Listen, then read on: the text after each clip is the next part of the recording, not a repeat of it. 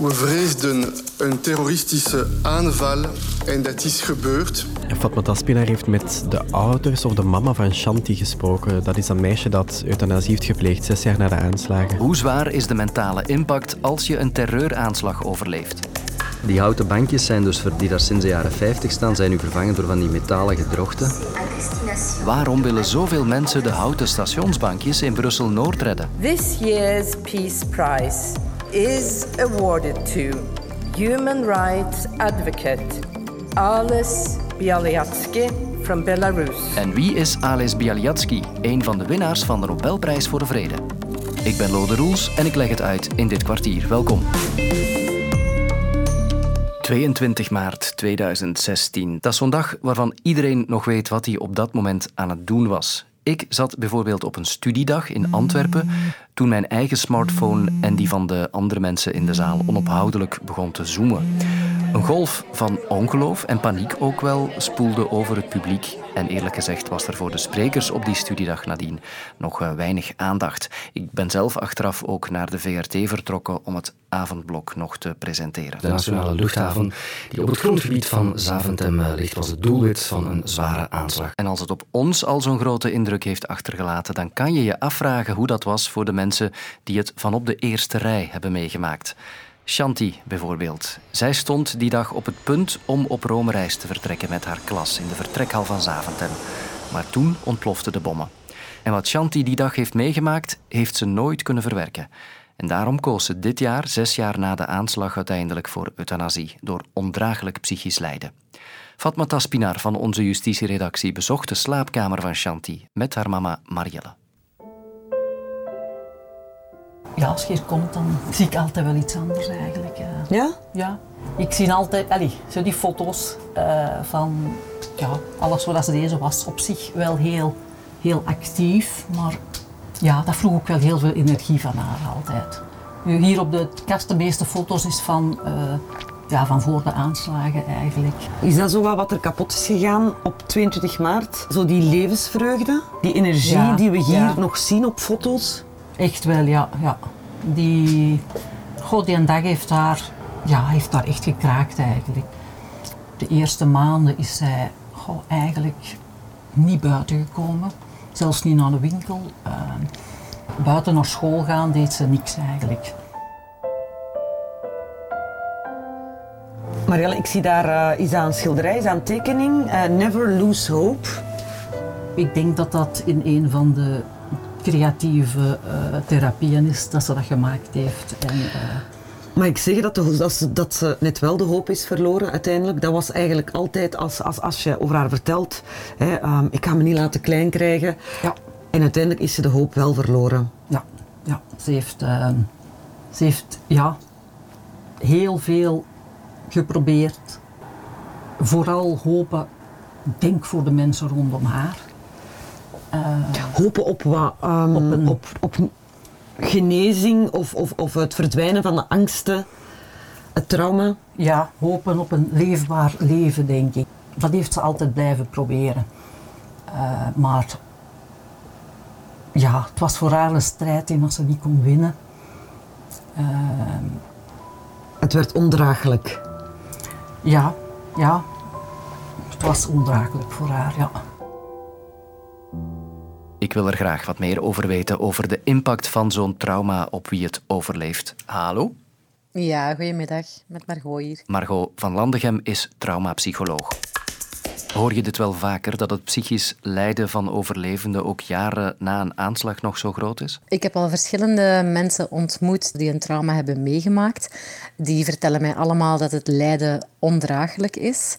Het is natuurlijk meer uitzonderlijk dat zij gaan overstappen naar de piste van euthanasie. Maar de wanhoop die ermee gepaard gaat, doet mensen soms wel aan die piste denken. Ja, dat psychisch lijden van mensen na zo'n trauma, na zo'n aanslag, ja, dat is echt wel groot. Dat onderschatten de andere mensen misschien wel. Ja, dat is zeker zo. Hè. Dat is een, een heel schokkende gebeurtenis die op dat moment niet verwerkt raakt, omdat het emotioneel zo'n grote impact heeft op dat moment, dat er eigenlijk niet in wordt geslaagd om dat als een soort samenhangend verhaal te gaan verwerken in uw geheugen. Dus daarom blijven mensen eigenlijk kampen met herbelevenissen in feite van het trauma, alsof het hier en nu terug gebeurt. Dus ze krijgen last van nachtmerries, van angsten, van flashbacks. Hun lichaam geraakt ook niet gekalmeerd. Dus dat kan uh, heel ondraaglijk zijn voor mensen. Shanti had het ook zonder de aanslagen al mentaal niet makkelijk. Dan komt dat er nog eens bij. Niet iedereen reageert op zo'n moment op dezelfde manier, kan ik me inbeelden. Ja, voilà. Als er uh, voordien ook al sprake is van een zekere kwetsbaarheid, dan maakt natuurlijk de problematiek nog complexer en maakt de behandeling ook complexer. Kom je zo'n aanslag, als je die van op de eerste rij hebt meegemaakt, eigenlijk ooit te boven? Of blijft dat nog altijd wel ergens spelen? Dat zal altijd blijven spelen in de zin van, dat is een, uiteraard een zeer schokkende en een pijnlijke herinnering, maar het traumatische aspect in de zin van het overvalt mij te pas en te onpas nu, dat kan behandeld worden. Is er te weinig aandacht voor die slachtoffers van de tweede graad, zullen we dat maar zeggen, ehm, de omstaanders, de overlevenden? Goh, ik denk dat je dat breder kan zien. Ik denk dat er te weinig aandacht is voor geestelijke gezondheidszorg uh, in het algemeen en dus ook voor mensen die een trauma hebben meegemaakt. Dikwijls moet de geestelijke gezondheid gezondheidszorg doen met eh, een rode neuzendag of een, eh, een, een, centje hier en daar dat we krijgen van de overheid. Maar eigenlijk structureel krijgen wij te weinig ondersteuning om degelijke specialistische behandelingen aan te bieden. Er zijn te weinig settings in ziekenhuizen, in dagcentra en ook ambulant waar je langdurig goed specialistisch behandeld kan worden. Warme oproep om daar wat aan te veranderen. Margot van Landegem, ja, traumapsycholoog. Dank u wel. Spoor 11, de IC-trein naar... In 1839 al werd overwogen een verbinding tot stand te brengen tussen de toenmalige Noord- en Zuidstations van Brussel. Het oude station Brussel-Noord had uitgediend en kon afgebroken worden. En in 1952 was het dan zover. Het nieuwe station Brussel-Noord werd ingehuldigd. En wie daar ooit wel eens een trein nam, die heeft ongetwijfeld de bruine houten bankjes op de perrons gezien. Of er misschien zelfs is opgezeten, wie weet. Je kent ze wel hoor, denk ik. Die bankjes met gladde latjes, typische jaren 50 stijl. Robuust, comfortabel en warm aan de billen ook blijkbaar, zelfs op de koudste winterdagen. 70 jaar lang hebben ze de tand destijds getrotseerd. Tot nu, want ze moeten weg om plaats te ruimen voor metalen zitjes. Dat ging niet onopgemerkt voorbij. Heel wat reizigers willen de houten banken terug. Ik ben Pieter Vannes, ik uh, woon in Schaarbeek. En daar neem ik regelmatig ook uh, de trein naar Leuven vooral, uh, om naar mijn ouders en mijn schoonouders te gaan. Dus ja, met gezin ben ik regelmatig in Brussel-Noord.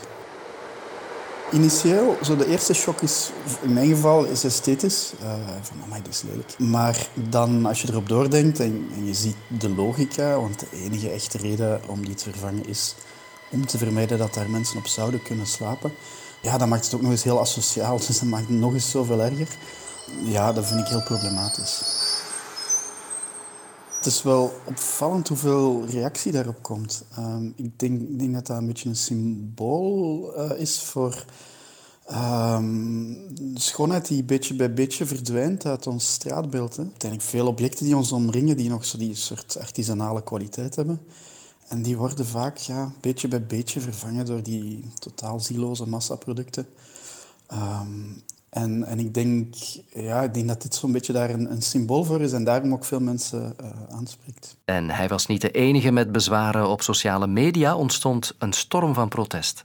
Ook ergonomische en esthetische... Leuk in de winter, zo'n ijskoude kont. Nemen wij dit nog langer van NMBS? Prachtige houten banken vervangen door deze Ik heb mijn kont graag warm en zonder vierkantjes. Veel tegenstanders dus van de nieuwe metalen exemplaren. Maar de NMBS heeft zo zijn redenen voor de vervanging, zegt woordvoerder Dimitri Temmerman.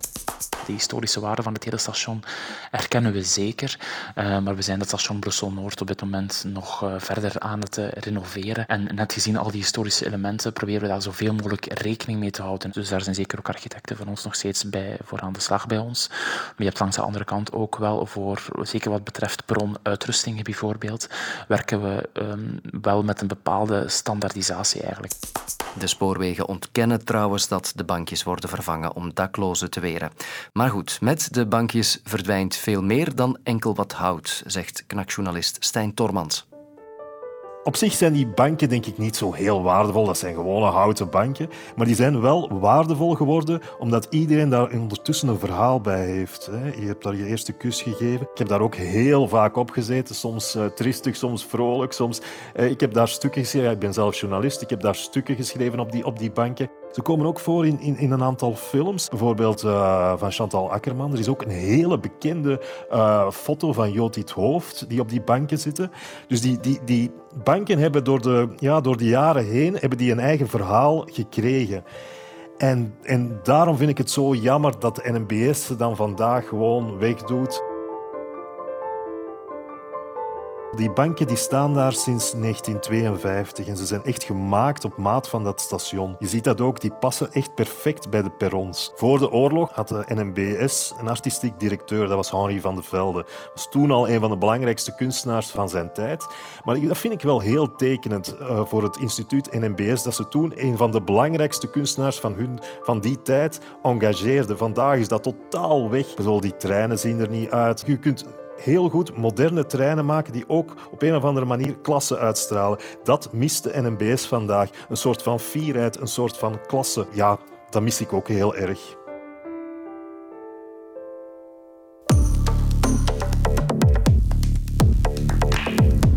Er zijn weinig deuren in de wereld die zoveel bekijks hebben als de deur van het comité dat de Nobelprijs voor de Vrede uitreikt. Good morning, everyone. En vanmiddag was het weer zover. The Norwegian Nobel Committee has decided to award the Nobel Peace Prize for 2022 to one individual and two organizations. De prestigieuze prijs gaat dit jaar dus naar twee organisaties. The Russian Human Rights Organization Memorial and the Ukrainian Human Rights Organization Center for Civil Liberties. En naar één persoon. Human Rights Advocate Alice Bialyatsky from Belarus. En ze krijgen de prijs voor hun jarenlange inzet om de mensenrechten te beschermen en hun kritische kijk op machthebbers. Wij halen er het verhaal uit van de Wit-Russische mensenrechtenactivist Alice Bialyatsky.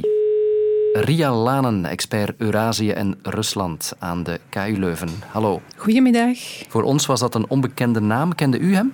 Ja, toch wel. Eh, voor mij is het niet een geheel onbekende naam. Uh, vooral de organisatie die hij heeft opgericht en uh, waarvan hij nog steeds de voorzitter is, Viasna, is eigenlijk de belangrijkste mensenrechtenorganisatie in Belarus, in Wit-Rusland. Wat vertegenwoordigt hij? Hij heeft uh, die organisatie, Viasna, wat lente betekent, al uh, ruime tijd geleden um, in 1996 opgericht. En die organisatie um, houdt zich vooral bezig met uh, alles wat het verdedigen van mensenrechten te maken heeft. Maar een van de heel concrete zaken waarvoor Viasna bekend is, is het, bijvoorbeeld het bijhouden van uh, een lijst van wie als politieke gevangenen in uh, Wit-Rusland kunnen beschouwd worden. En die lijst is best wel lang. En Ales uh, Bialyatsky is daar zelf een van, want hij zit op dit moment in de gevangenis. En uh, meneer Bialyatsky komt op voor burgerrechten, voor mensenrechten in zijn land, in Wit-Rusland. En dat is nodig, want de situatie is daar niet rooskleurig. Hè? Helemaal niet. Hè. Um, we herinneren ons misschien allemaal nog de hevige protesten die daar in de zomer van uh, 2020 zijn uitgebroken. De onrust in Wit-Rusland blijft aanhouden. Maar die dan hardhandig zijn de kop ingedrukt. Lukashenko wordt de laatste dictator van Europa genoemd. Hij regeert zijn land al 26 jaar met harde hand. Zijn oproerpolitie drukt het protest dan ook hardhandig neer. Wat betekent heel concreet dat er op dit moment uh, volgens uh, de organisatie Viasna uh, meer dan 1300 mensen omwille van ja, eigenlijk het statuut van politiek gevangenen hebben en daarom in de gevangenis zitten. Um, ja, dus dat dat, dat zijn ook uh, praktijken die het regime hanteert om als een soort van voorbeeldfunctie te fungeren, zodanig dat andere mensen niet op het idee zou komen om opnieuw op straat te gaan komen. Dus ja, uh, het werk van een organisatie als Viasna en van een man als Ales Bialitsky is heel belangrijk uh, in Wit-Rusland. De twee andere winnaars zijn Memorial uit Rusland en Center for Civil Liberties uit Oekraïne. Wellicht niet toevallig dat die twee samen uh, de prijs krijgen. Hè? Nee, um, ik denk dat dat een heel expliciete keuze is geweest van het uh, comité om dat op die manier te doen. Um, ik hoorde als eerste reacties uit Oekraïnse hoek misschien wel een beetje een, een zeker misnoegen, omdat ze hadden gehoopt dat het exclusief naar Oekraïense organisatie zou gaan. Maar er is wel heel duidelijk toch ook een link tussen zowel uh, Ales Bialyatsky Memorial en het Center for Civil Liberties. Namelijk dat zij alle drie um, eigenlijk in essentie met hetzelfde bezig zijn. Het aankaarten van het belang uh, van burgerrechten, het opkomen uh, voor die burgerrechten en het aankaarten van de schendingen door de oppressieve regimes. Um, dus ja, ik denk dat dat echt wel een verbindende factor tussen die drie laureaten is. Het laatste kwartier van de werkweek zit er daarmee op. Ik wens u een vredevol weekend. Tot later. Ken jij de schrijvers van morgen al? Leer ze kennen in de podcast Groen Gebladerte. Nu in de app van VRT Max.